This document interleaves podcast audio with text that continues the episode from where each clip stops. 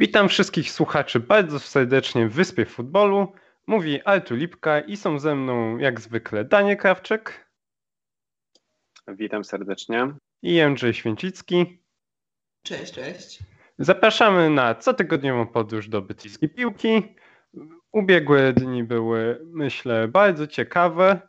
Oczywiście kilka tam nudniejszych meczy się zdarzyło, ale to, o co nam chodzi, czyli te hity, ja myślę, że nie rozczarowały ostatnio. Mm, ale zanim do Premier League przejdziemy, to zatrzymamy się poziom niżej w Championship. O niej jak zwykle opowie nam Daniel.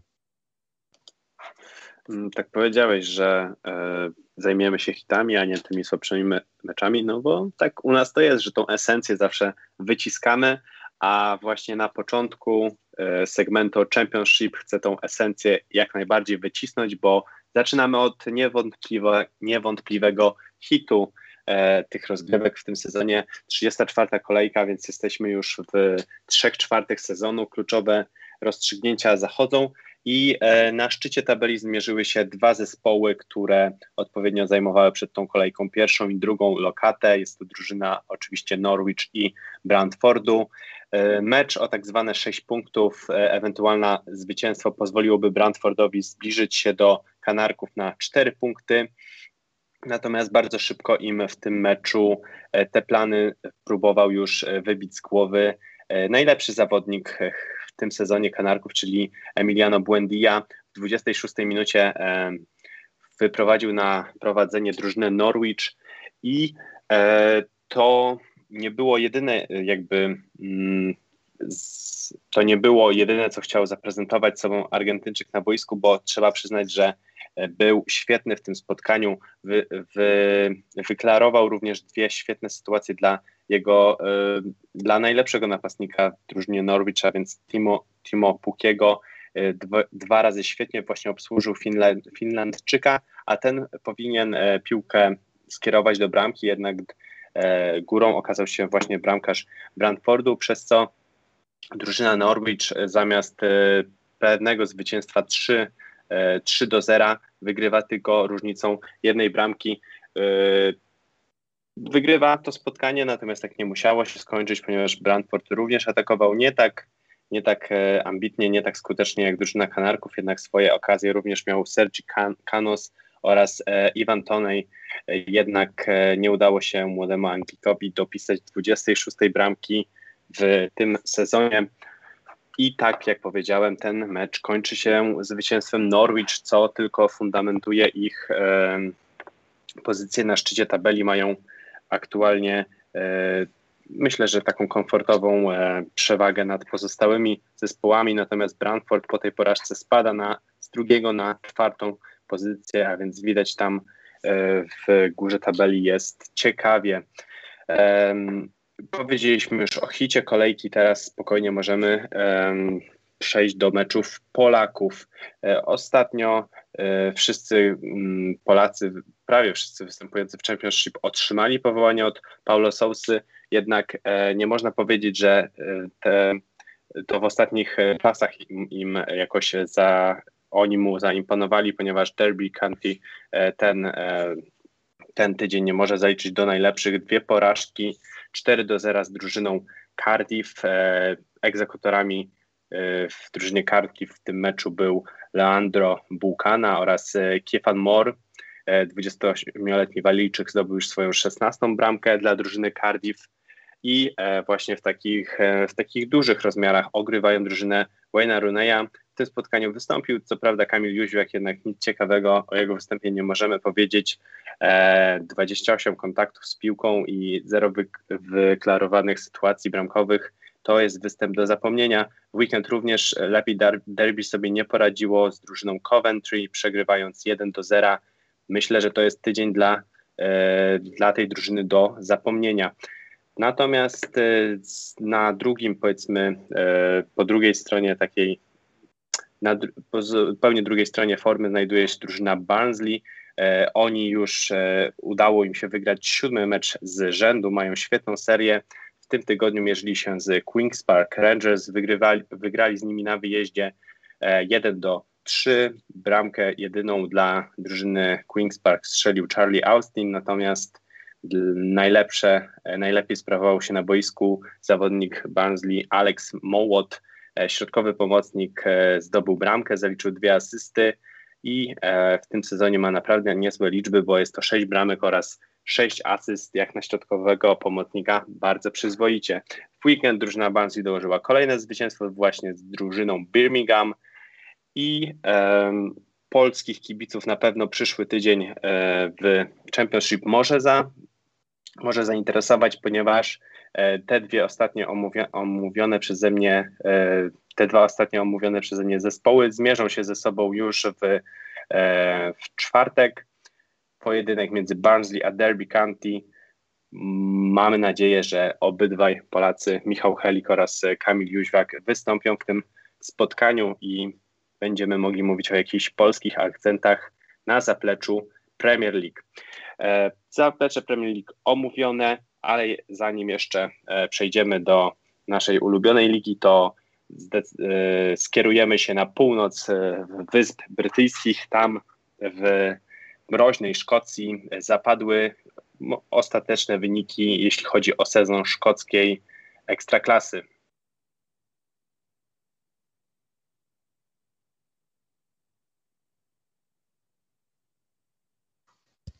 Halo Jędrzeju.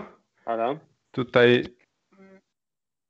problemy techniczne pojawiły Chyba się. Tak. E, nie wiem, czy nas coś słyszy. On miał powiedzieć o tutaj Szkocji, bo to też jedna z jego e, jak gdyby lig, jedna z lig, którą się bardzo interesuje.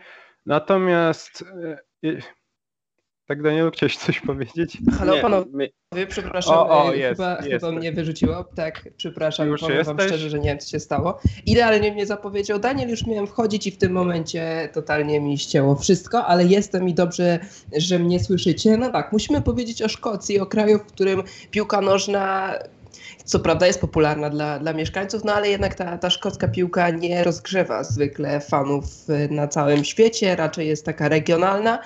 Istnieją w niej, mamy w niej wiele klubów, ale dominują przez cały czas dwa: Celtic Glasgow i Glasgow Rangers. Przez ostatnie 10 lat dominowała ta pierwsza drużyna.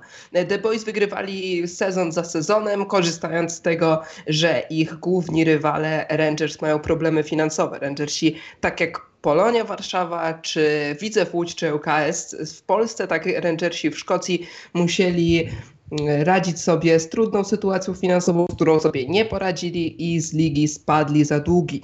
Odbudowywali się od czwartej ligi i konsekwentnie rok w roku zyskiwali awans, e, jednak po, i, i, po awansie do tej, do tej najwyższej klasy, czyli do szkockiej Premier League, wyznaczyli sobie jeden cel: wygrać Mistrzostwo Szkocji i odzyskać to mistrzostwo i zepchnąć na drugie miejsce Celtic Glasgow. E, z tym było bardzo trudno. Przez pierwsze lata właściwie nawet się nie zbliżyli do Celticu. Celtic dalej dominował. Rangersi zajmowali to drugie miejsce, więc nie najgorsze, bo premiujące do gry w Europie europejskich pucharach, ale te apetyty zawsze były większe. Aspiracje klubu to, był, to, to, to było za mało, żeby zaspokoić aspiracje, zajmując drugie miejsce. W tym sezonie wszystko ułożyło się dla Glasgow Rangers idealnie. Drużyna prowadzona przez legendę Liverpoolu Stevena Gerrarda nie przegrała ani jednego meczu i już na początku marca zapewniła sobie mistrzostwo. Przypomnijmy, że do końca sezonu jeszcze dwa miesiące, tak samo jak w każdej innej lidze europejskiej, a my już znamy mistrza. Rangersi w tym momencie zajmują pierwsze miejsce i wyprzedzają drugi Celtic 20 punktami. Mają 88 oczek, a drugi Celtic ma 68.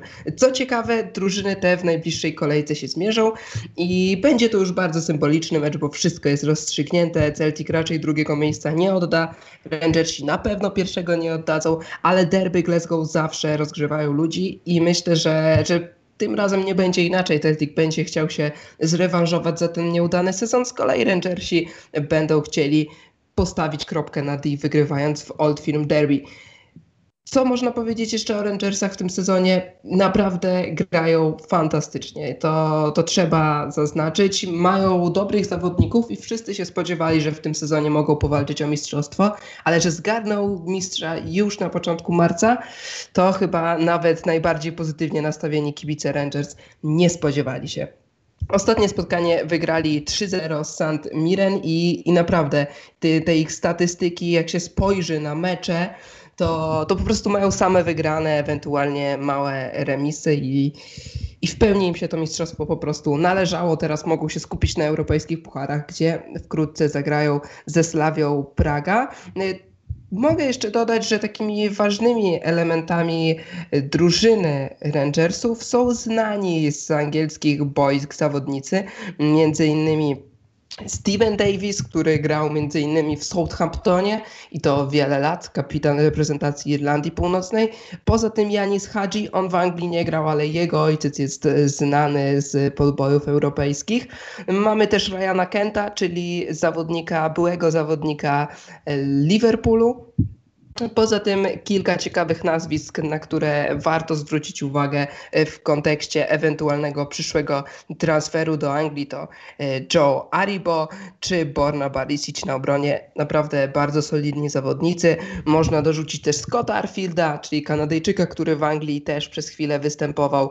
I oczywiście na napadzie numer 9 Jermaine Defoe, były piłkarz Sunderlandu czy Tottenhamu pięknie grali w tym sezonie i zdobyli mistrzostwo, ale my musimy gadać o angielskiej lidze, właściwie nie, nie musimy, ale chcemy, więc zostawmy już y, szkocką Premiership i przejdźmy do tej, y, do tej angielskiej, jeżeli pozwolicie panowie, przejdziemy do Liverpoolu, do zespołu, który ma duże, bardzo duże kłopoty ostatnio, jest w fatalnej formie i coraz częściej y, kibice i eksperci zastanawiają się, czy w, tym, w tej drużynie nie potrzeba rewolucji, czy nie potrzeba zmiany nie tyle co zawodników, co trenera. I wśród kandydatów na potencjalnego nowego trenera wymieniany jest menedżer właśnie Glasgow Rangers, czyli Steven Gerrard, legenda Liverpoolu, człowiek, który udowodnił, że umie grać w piłkę świetnie, teraz udowadnia, że jest świetnym menedżerem, więc może może będzie dobrym rozwiązaniem w przyszłości. Chętnie e, usłyszałbym wasze, mm, wasze zdanie na ten temat, ale na początku może powiedzmy sobie o ostatnich meczach Liverpoolu. W czwartek, 4 mm, marca Liverpool na własnym stadionie podejmował Chelsea i był to bardzo nieudany mecz dla podopiecznych Jurgena Kloppa. Od początku Chelsea przeważała, strzeliła bramkę, która została potem anulowana. Do siatki trafił Timo Werner. Waru dowodnił, że był minimalny spalony. Na powtórkach, jak zwykle, trudno było cokolwiek powiedzieć. Wyliczane tam było centymetrowo centymetrowo wyliczana była ręka Wernera i jak bardzo miał tą rękę na spalonym, czy miał już ten, ten, ten rękawek, który się liczy, czy, czy nie miał rękawka, o co w tym wszystkim chodziło. Ja się w tym nie połapałem, bramka nie została uznana, ale Chelsea i tak grała dużo lepiej, atakowała i jeszcze przed przerwą wyszła na prowadzenie po strzale Masona Mauta. Po przerwie tempo spotkania zmalało, trochę się mało działo w drugiej połowie, nie mieliśmy już tylu sytuacji, bliższa strzelenia bramki cały czas była Chelsea, a Liverpool jednak bardzo tak niedbale i bez pomysłu co jakiś czas wyprowadzał akcje, które nie kończyły się żadnym porządnym strzałem. I ostatecznie spotkanie skończyło się wynikiem 0 do 1. Liverpool przegrywa w całym meczu podczas ponad 90 minut oddał tylko jeden strzał. To jeśli chodzi o mecz tygodniowy, ale Liverpool zdążył rozegrać kolejny mecz także z drużyną z Londynu, także z drużyną z dzielnicy Fulham, tym, tym razem z tym imiennikiem, czyli z drużyną Fulham. Także podejmował ich na własnym stadionie i także musiał uznać ich wyższość. Tutaj gra wyglądała trochę inaczej. Liverpool częściej dochodził do głosu w porównaniu z meczem z Chelsea, ale i tak grał dużo, dużo e, gorzej i przegrał mecz po bramce Mario Leminy w 45 minucie. Szczególnie w drugiej połowie Liverpool miał swoje szanse. Na, kiedy na boisku zameldował się m.in. Trent Alexander-Arnold, Fabinho i Sadio Mane, ale to nie przekładało się na nic konkretnego. Nie umieli strzelić bramki i trzy punkty z Anfield wynosi drużyna Scotta Parkera, którą bardzo trzeba za ten mecz pochwalić. Zagrała bardzo dojrzale i w pełni naprawdę zasłużyła na te trzy oczka, które są dla nich bardzo, bardzo cenne, ponieważ dzięki nim zrównali się z 17 Brighton punktami i w tym momencie, żeby wyjść ze strefy spadkowej, brakuje im właśnie tylko ten jeden punkt, więc Fulham coraz groźniej wygląda i na poważnie włącza się do walki o utrzymanie. Skupmy się jednak na tym Liverpoolu. Panowie, co jest nie tak i czy zmiana trenera w tym momencie cokolwiek by rozwiązała? Widzimy, że Steven Gerrard sobie radzi w Rangersach, więc kiedy go brać jak nie teraz? Co o tym sądzicie? Ja, ja na pewno zastanawiam się, na jakich warunkach Jurgen Klopp powinien opuszczać Liverpool.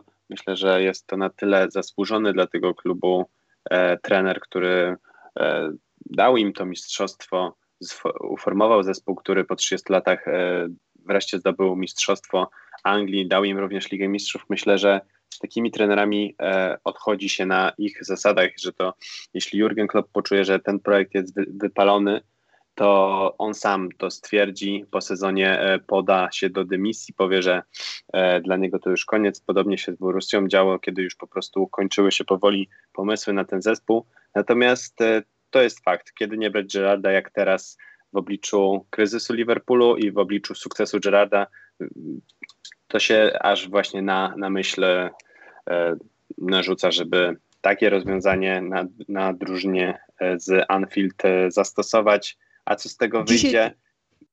Mhm. Myślę, że właśnie taki sezon, w którym nawet Liverpool by się skupił głównie na lidze, bo aktualnie myślę, że realne jest, że mogą się nawet do Big Six nie załapać.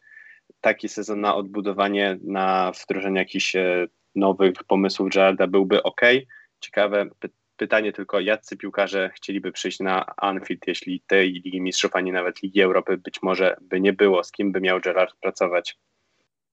Tylko mm, według mnie pytanie jest, czy Klopp podałby się do dymisji, do dymisji. Mówiłeś, że w Borussii tak było. W Liverpoolu wydaje się, że on cały czas jest skupiony na pracy i cały czas wierzy, że z tego kryzysu może wyjść. Dzisiaj pytany był o ewentualną posadę w reprezentacji Niemiec. Powiemy, że e, Lew odchodzi po Mistrzostwach Europy 2021 i powiedział Klopp, że nie, że nie jest zainteresowany pracą w reprezentacji i cały czas skupia się na Liverpoolu, że ma 3 lata kontraktu i ma zamiar ten kontrakt wypełnić.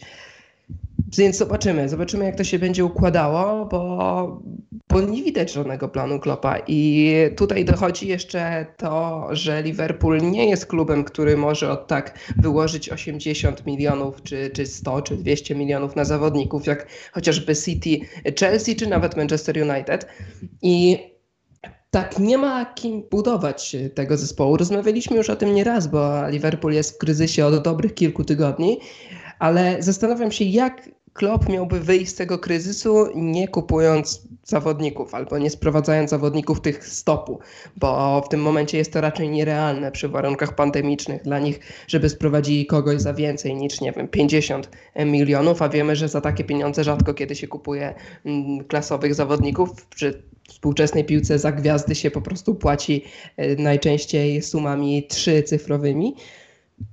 Nie wiem, to jest takie pytanie, nawet chyba nie wiem, czy cię Artur będę o to pytał, bo, bo to jest pytanie totalnie bez odpowiedzi, nikt z nas na to nie odpowie, ale zobaczymy. Zobaczymy, jak się ten Liverpool będzie rozwijał, bo w tym momencie ich sytuacja jest naprawdę fatalna. Oni biją wszelkie rekordy.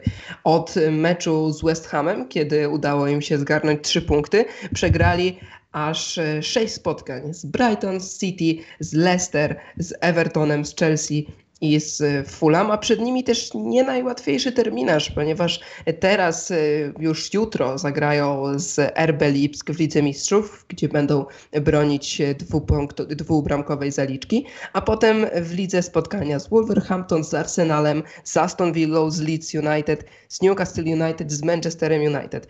To może poza meczem z Newcastle są naprawdę trudni przeciwnicy, których łatwo się nie przeskoczy, a zwłaszcza grając tak słabo, bezzębnie w ofensywie. Nie wiem, mogę tylko powiedzieć, zobaczymy i postawić kropkę chyba. Właśnie, ja myślę, że zobaczymy to najlepsze, co możemy powiedzieć, bo no bez, beznadziejnie to wygląda w Liverpoolu, ale też jednak z fusów nie chcę wyżyć, bo wiadomo, e, że zespoły, które są w głębokim kryzysie czasami nagle potrafią z niego wyjść, chociaż oczywiście e, to wszystko czarno widać.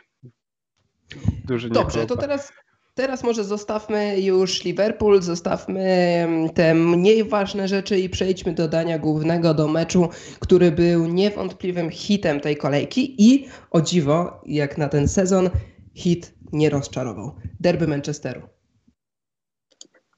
Dokładnie 184 derby Manchesteru.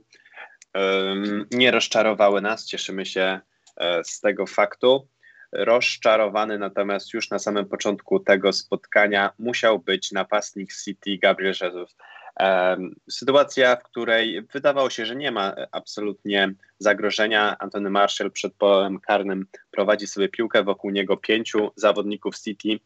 Natomiast Brazylijczyk niefortunnie go zahaczył i e, sędzia Antony Taylor musiał pokazać na 11 metr. Do piłki podszedł e, etatowy egzekutor tych stałych fragmentów w drużynie Manchester City, a więc Portugalczyk Bruno Fernandes. E, uderzył pewnie bramka dla Manchesteru United i była to zdecydowanie wymarzona sytuacja dla Czerwonych Diabłów. Drużyna, dra, ponieważ drużyna Olegu Narasolskiera w tym sezonie, jak już wielokrotnie stwierdzaliśmy, z tymi wielkimi zespołami gra raczej zachowawczo. Tutaj natomiast w obliczu tego, że City praktycznie mm, ma już ten e, tytuł przyklepany, taki obrót spraw dla drużyny Manchesteru był e, fantastyczny.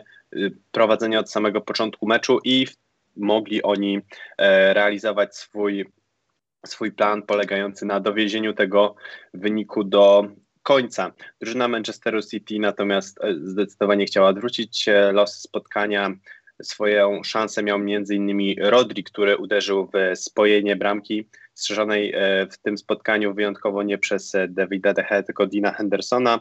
Młody Anglik zastępuje Hiszpana w bramce, ponieważ Hiszpanowi urodziła się córeczka i wyleciał e, właśnie do swojej ojczyzny. Natomiast jego zastępca można powiedzieć, wykorzystuje swoją szansę w 100%. Czyste konto zachowane na Etihad, mimo że to głównie piłkarze City się mylili w tych sytuacjach, między innymi Phil Foden e, po wejściu na boisko w 70 minucie e, niecelnie uderzał na bramkę. Rahim Sterling pod koniec spotkania również miał doskonałą sytuację, tutaj minął się z piłką, to jednak trzeba pochwalić Anglika, że e, drużyna Manchesteru United na pewno pewnie się czuje z nim między słupkami i ta jakość w bramce E, nie spada podczas jego występu. Natomiast e, jeśli chodzi o ofensywę Manchester United, to e, polegali oni głównie na kontrach w tym spotkaniu. Oczywiście próbowali również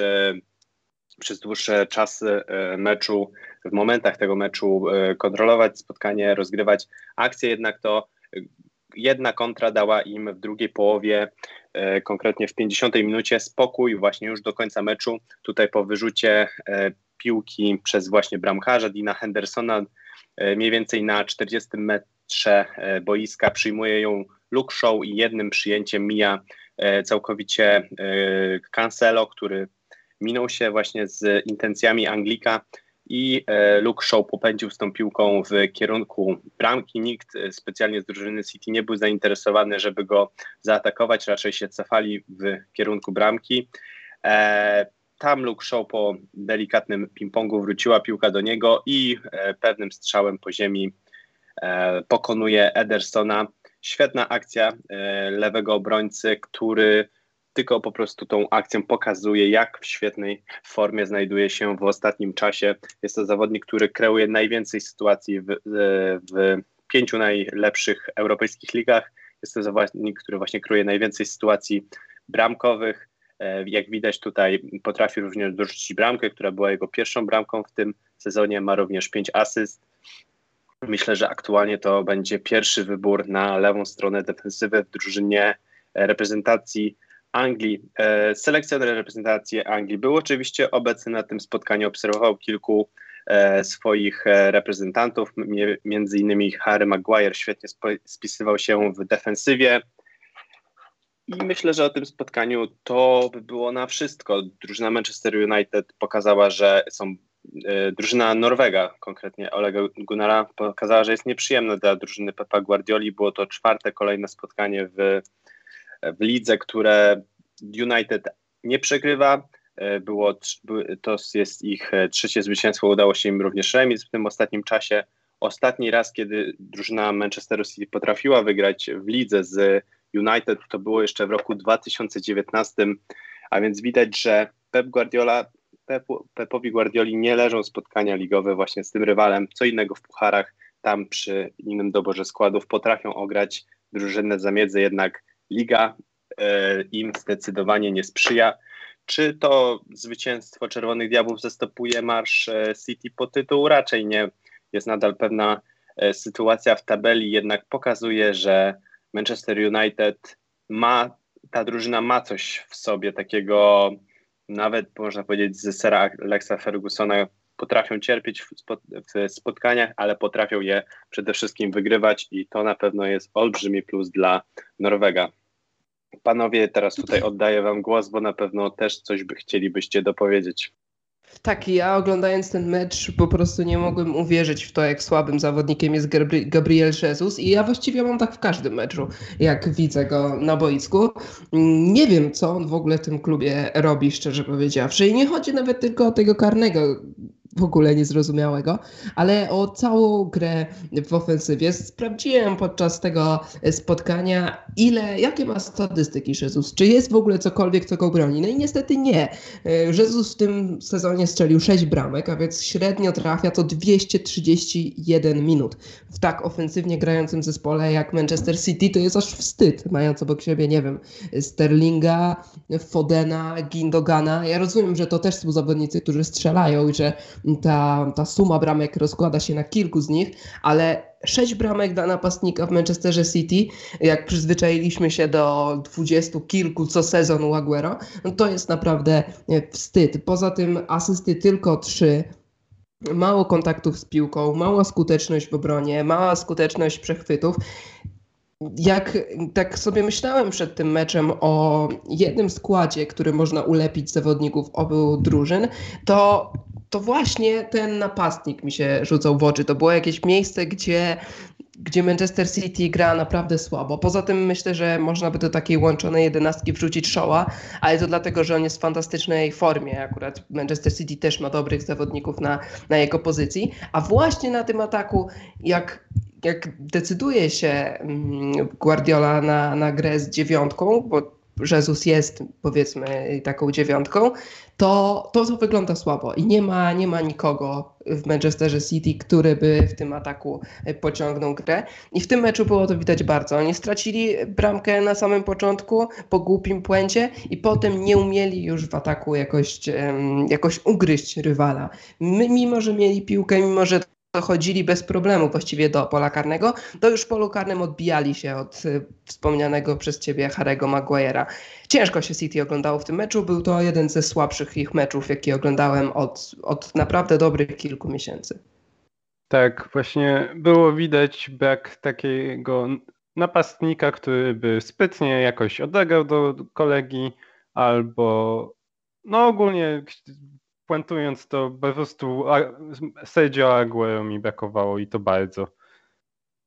Dobrze, że mówicie o tym napastniku, bo można zarzucić tematem, czy Erling Haaland e, pasowałby do tej drużyny, czy opłaca się go już sprowadzać w tym sezonie za e, ogromne pieniądze, czy poczekać jednak e, do przyszłego okienka transferowego i za 85 milionów, które jest zapisane w kontrakcie go wyciągnąć. Na pewno City nie jest jedynym zespołem, który ma chrapkę na tego napastnika.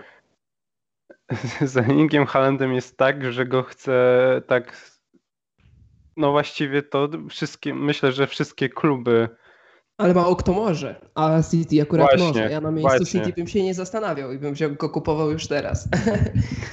Tak, bo potem to ktoś inny może przyjść i go zgarnąć, a wiadomo, że na przykład w Realu Madryt jest y, największy, jeden z największych cwaniaków w Europie, Florentino Perez.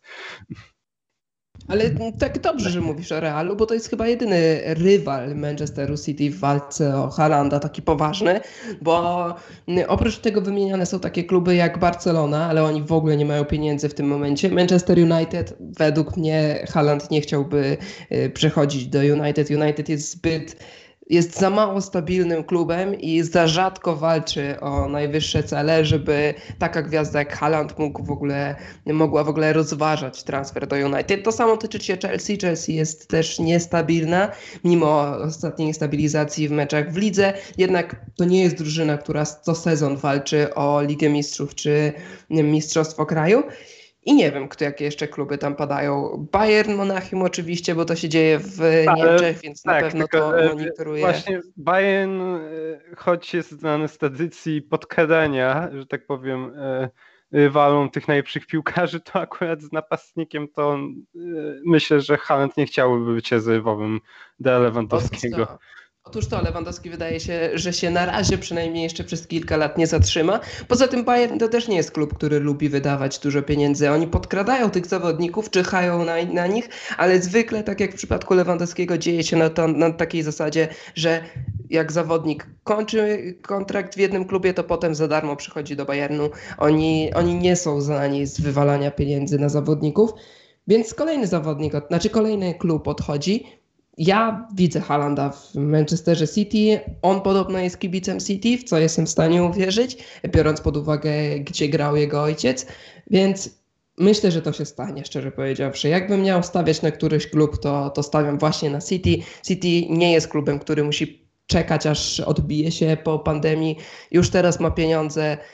Borussia, jeżeli dostanie dobrą ofertę, to nie będzie miała co, co nic do powiedzenia po prostu, bo nie będzie czekała kolejny rok, żeby potem tracić pieniądze. Więc myślę, że 120 milionów czy, czy coś takiego i Haaland jest piłkarzem City.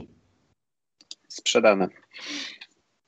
E, natomiast e, chyba już kończąc temat e, drużyn z Manchesteru, przeniesiemy się teraz do Londynu. O Chelsea już mówiliśmy w meczu z Liverpoolem, natomiast Chelsea E, miała ciężki tydzień przed sobą. Poza spotkaniem z e, czerwoną częścią e, Liverpoolu, musiała się również zmierzyć z niebieską częścią Liverpoolu. Na Stamford Bridge przyjechała drużyna Carlo Ancelottiego.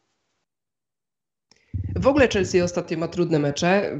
Tak mówiłem chyba o tym z miesiąc temu, że przychodzi, chwila prawdy dla Tuchela, ponieważ Chelsea miała w terminarzu Manchester United, y, Atletico Madryt oczywiście, do tego obie drużyny z Merseyside, więc to mogło wprowadzić trochę niepewności w szeregi The Blues, ale wyszli naprawdę z, te, z, tego fantastycznie, w najlepszym stylu jak się dało.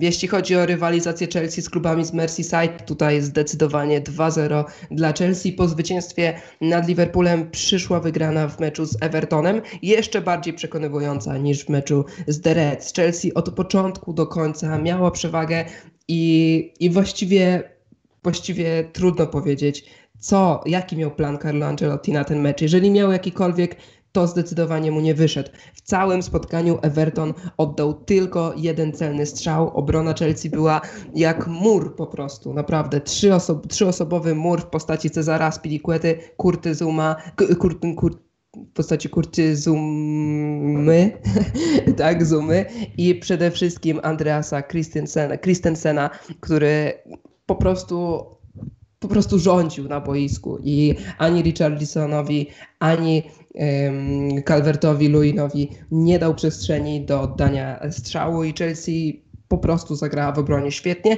Do tego dorzuciło przyzwoitą grę w ataku, którą napędzał przede wszystkim wracający po długiej przerwie, po kontuzji, po problemach z koronawirusem Kai Havertz we współpracy z też bardzo przyzwoitym we wczorajszym meczu Kalumem Hudsonem Odoim i Chelsea w pełni zasłużenie wygrywa 2-0. Na początku do siatki trafił Havertz, co prawda bramkę potem zamieniono i um, uznano ją za bramkę samobójczą Bena Godfreya, ale można uznać, że, że najwięcej w tej akcji dał od siebie Kai Havertz, bo to on oddawał strzał, po którym piłka się odbiła od Godfreya i wpadła do siatki. W drugiej połowie Chelsea dalej atakowała w 50, w, oczywiście w 65 minucie. Kai Havertz został sfaulowany przez Jordana Pickforda a w polu karnym, a jedenastkę na bramkę zamienił Jorginho. Oprócz tego Kai Havertz sam trafił do siatki, ale bramka została nieuznana, ponieważ ręką dotknął tuż przed strzałem, przyjmując piłkę i obracając się, Niemiec dotknął ręką i, i dopiero potem posłał piłkę do siatki. Też mieliśmy sprawdzanie waru, trochę osób, część osób widziałem, miało co do tego wątpliwości, ale według mnie tutaj VAR zadziałał dobrze i słusznie nie uznał e, bramkę Havertzowi.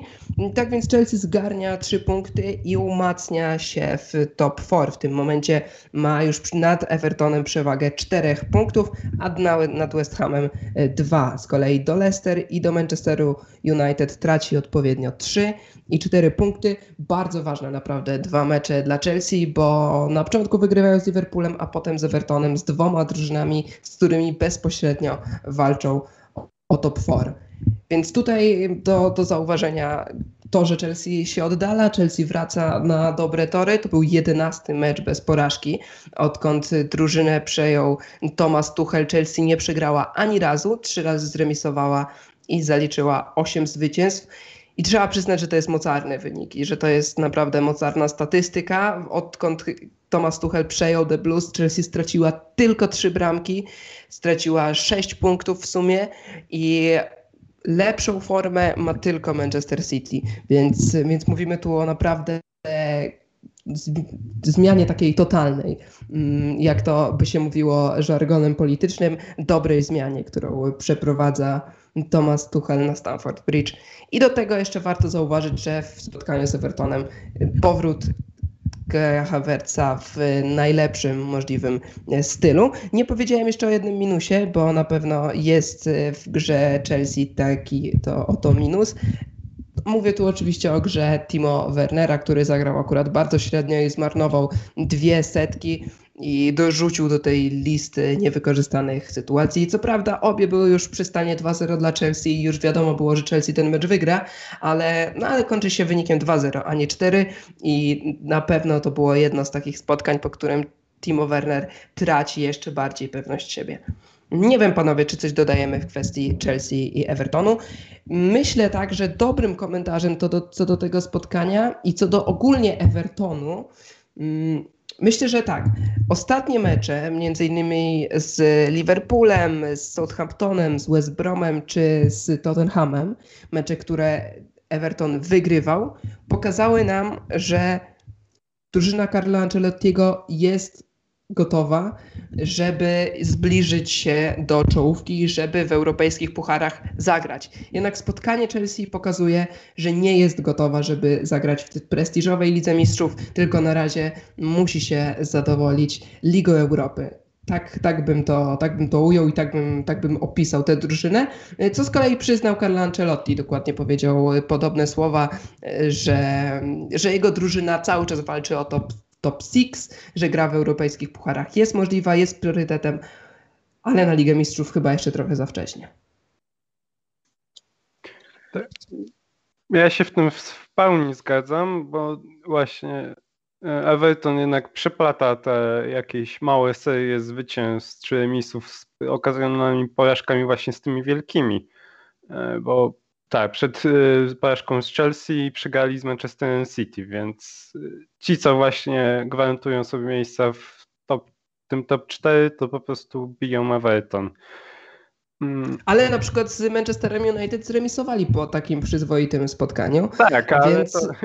więc po, oni pokazują, że umieją, prawda? Ale czegoś tam jeszcze brakuje, jakiegoś Dokładnie. takiego, czegoś, co by nam przekonało. A ja myślę jednak, że w tym sezonie największym zwycięstwem Evertonu będzie, jeśli zakończą e, go pozycję, e, w sensie przed Liverpoolem. To będzie myślę chyba nawet tylko mistrzostwo mogłoby być słodsze dla kibiców.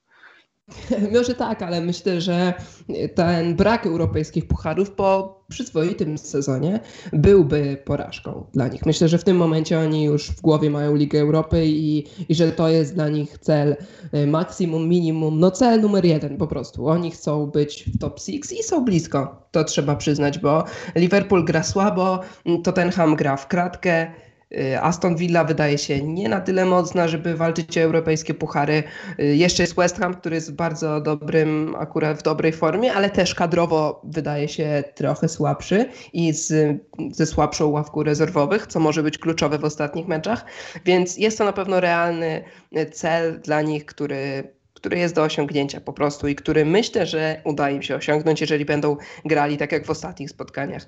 Chelsea to jeszcze dla nich za wysokie progi, ale nie ma, nie ma według mnie czemu się dziwić w ogóle. Jak, jak spojrzymy na ławkę rezerwowych Evertonu, to, no to widzimy takie nazwiska jak, nie wiem, Harry, Tyrer, kto to jest, nie wiadomo. Tyler Onyango, Kyle John, no Joshua King, Tom Davis, Bernard, to akurat y, znane nazwiska, ale do tego Żao, Virginia, mm, Nielsen, Kuku, no to są zawodnicy właściwie no, tacy totalnie nieznani nawet z ekspertom od Premier League. A jak patrzymy na ławkę rezerwowych Chelsea, to widzimy Masona Mounta, Christiana Pulisika, mm, N'Golo Kante, Hakima Ziyeka, Antonio Rudigera, Bena Chilwella, Thiago Silva i Kepa Arrizabalaga. Więc y, różnica jednak jest jest ogromna. Dobra, lecimy e, dalej, bo meczów trochę jest, nie można się skupiać na, tylko na dwóch drużynach. E, z Londynu lecimy dalej do Londynu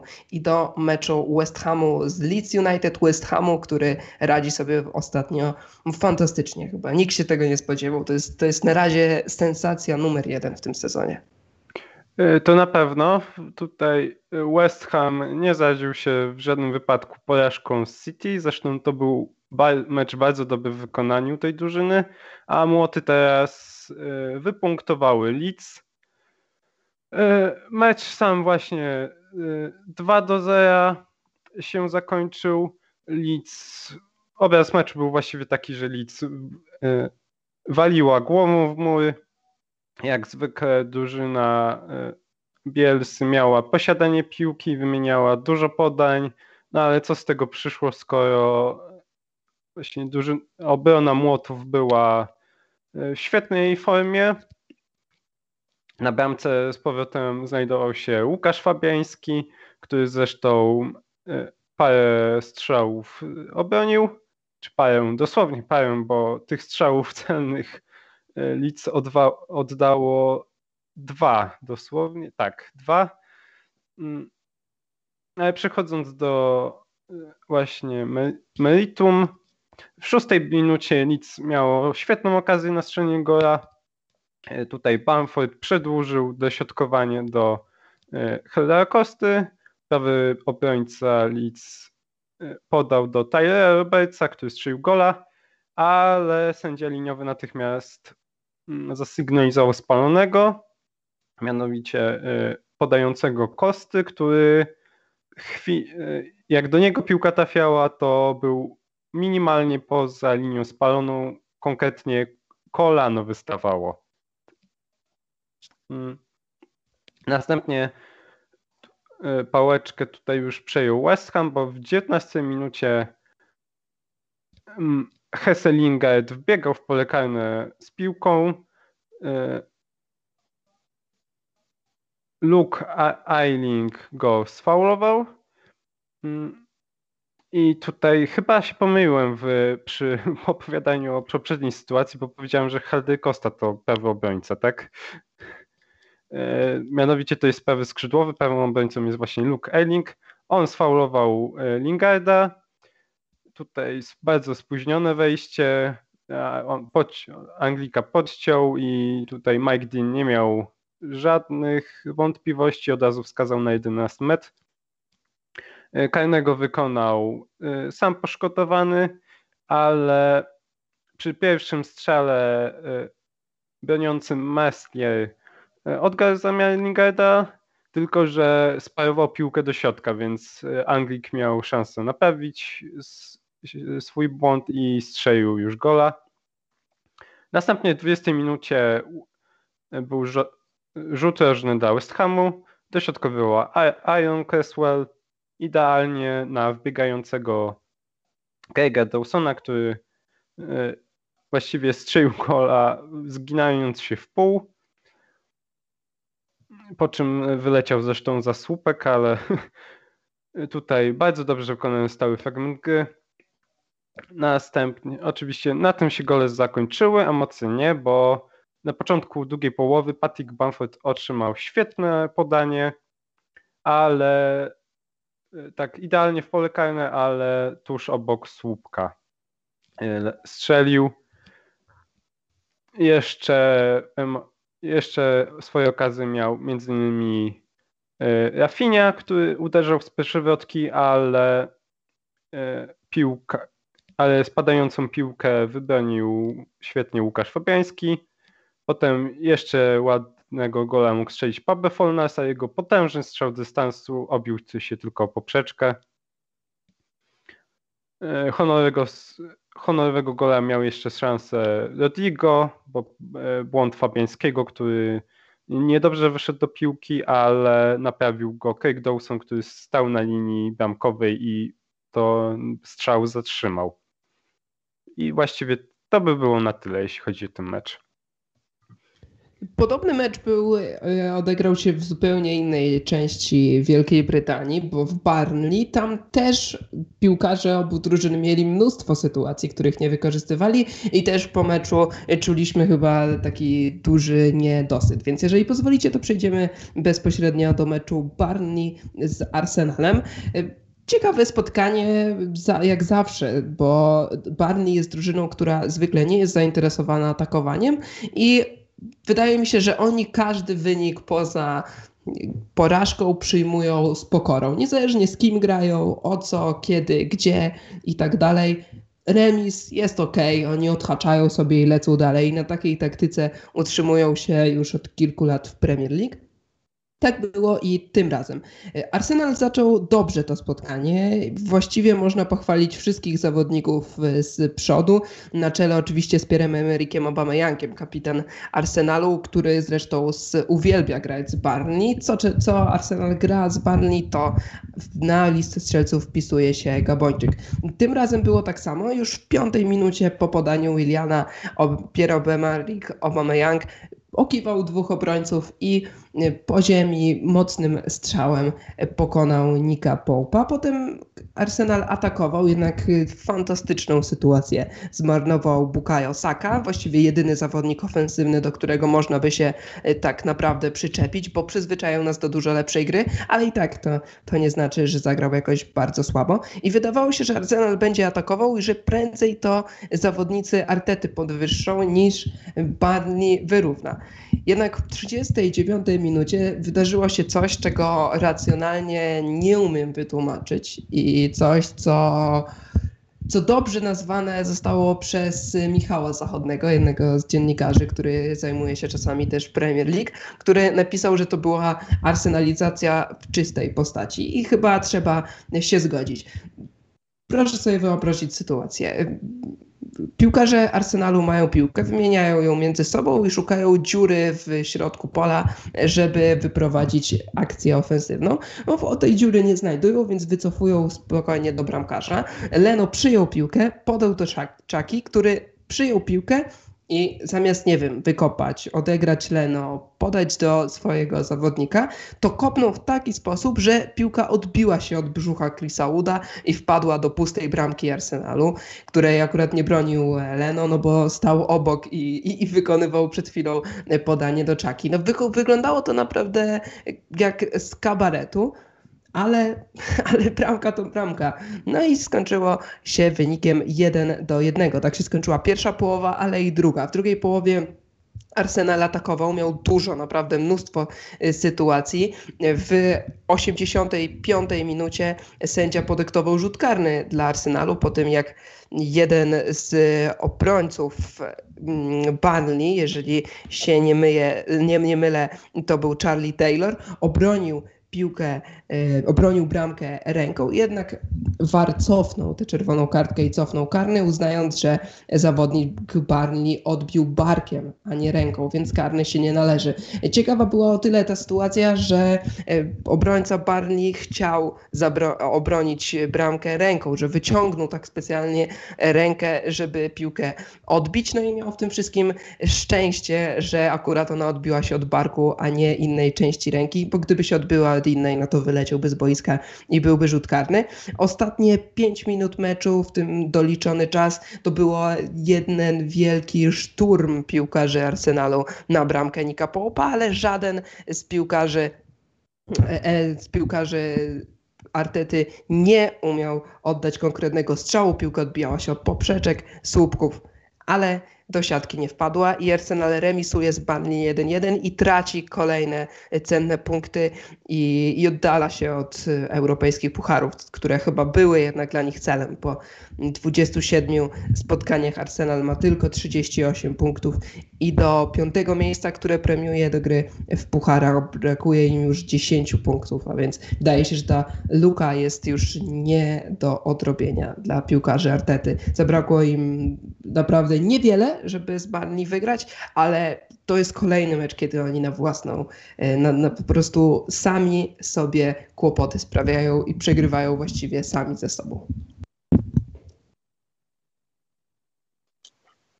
W dość podobnej sytuacji do Arsenalu, można powiedzieć delikatnie jest Tottenham. Oni też e, w tym sezonie już porzucili jakieś plany mistrzowskie. Walka zdecydowanie rozegra się o te europejskie puchary Liga Europy znowu mile widziana była na stadionie z północy Londynu.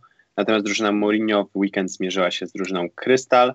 Nieco o tym spotkaniu e, opowie nam Artur, a później e, myślę, że z chłopakami będziemy chcieli przewidzieć e, wyniki derbów północnego Londynu, które już w przyszłym tygodniu.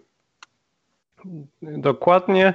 Natomiast e, w tym meczu kontra Crystal Palace to były te ma małe deby Londynu, jedne z wielu. I tutaj y, Jose Mourinho wystawił y, swoje y, największe działa na ten mecz, bo na boisku mieliśmy Keina, Bale'a i Sona.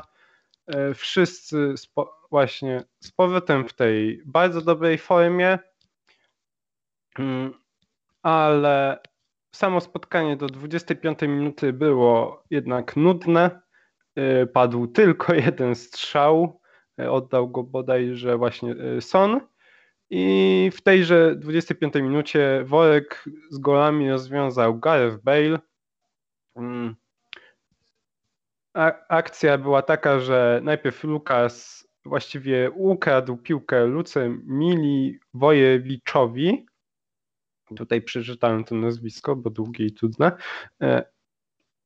Podał tym samym do Harry'ego Kane'a, ten biegł w pole karne i dośrodkował do y, Bale'a właśnie na, y, na pustą bramkę mu y, właściwie podał i Waliczyk nie miał żadnych problemów w wybiciu.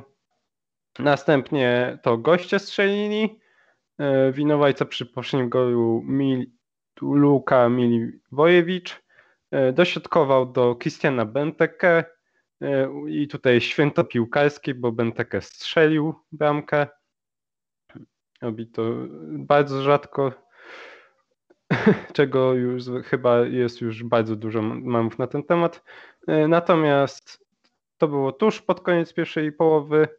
Loris nawet się do tego strzału nie ruszył. Druga połowa była dla Tottenhamu wyłącznie. W 49 minucie koguty po znakomitej akcji strzeliły E, głównym tutaj bohaterem był Bale, który najpierw wymienił kilka podań z Lukasem, e, e, podał daleko do Reguilona na lewe skrzydło, ten dośrodkował do Kane'a, Kane zagrał głową do Bale'a, a Bale głową strzelił. Następnie dwie, dublet zaliczył Hurricane najpierw po kolejnej bardzo dobrej akcji Tottenhamu, tutaj najpierw wymienili zawodnicy kilka podań. Kane otrzymał piłkę tuż przed polem karnym i właściwie tak z pierwszej piłki bardzo, znaczy bardzo piękny gol, wspaniały, w samo okienko, palce lizać. Mm, a potem e, ten świe- świetny w tym sezonie dublet, znaczy du- duet, przepraszam, Harry Kane i Son.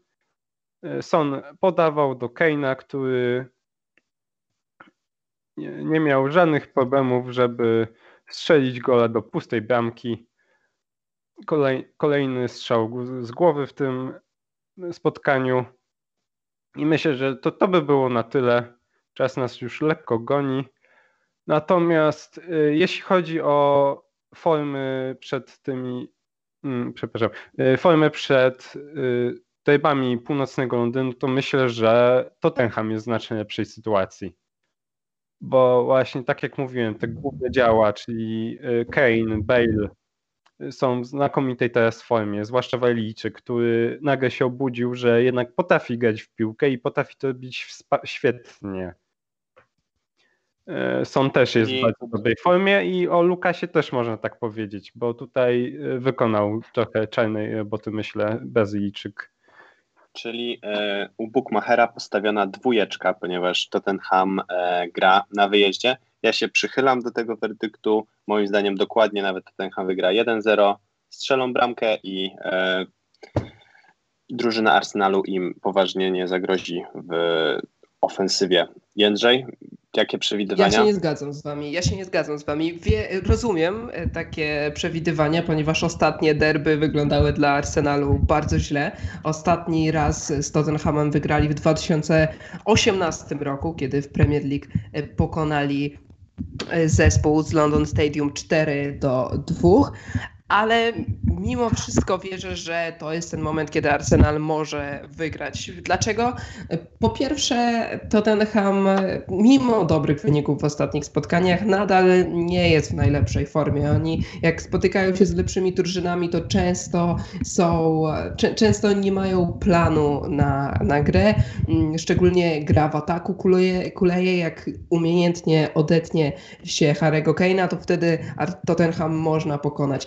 Arsenal też w ostatnich meczach widać, że gra odważniej, że w ataku kreuje dużo więcej sytuacji i o ile Bukayo Saka będzie w dobrej formie, to wierzę, że Arsenal może te derby wygrać. Gdybym miał stawiać, postawiłbym 1-0 albo 2-1 dla Arsenalu.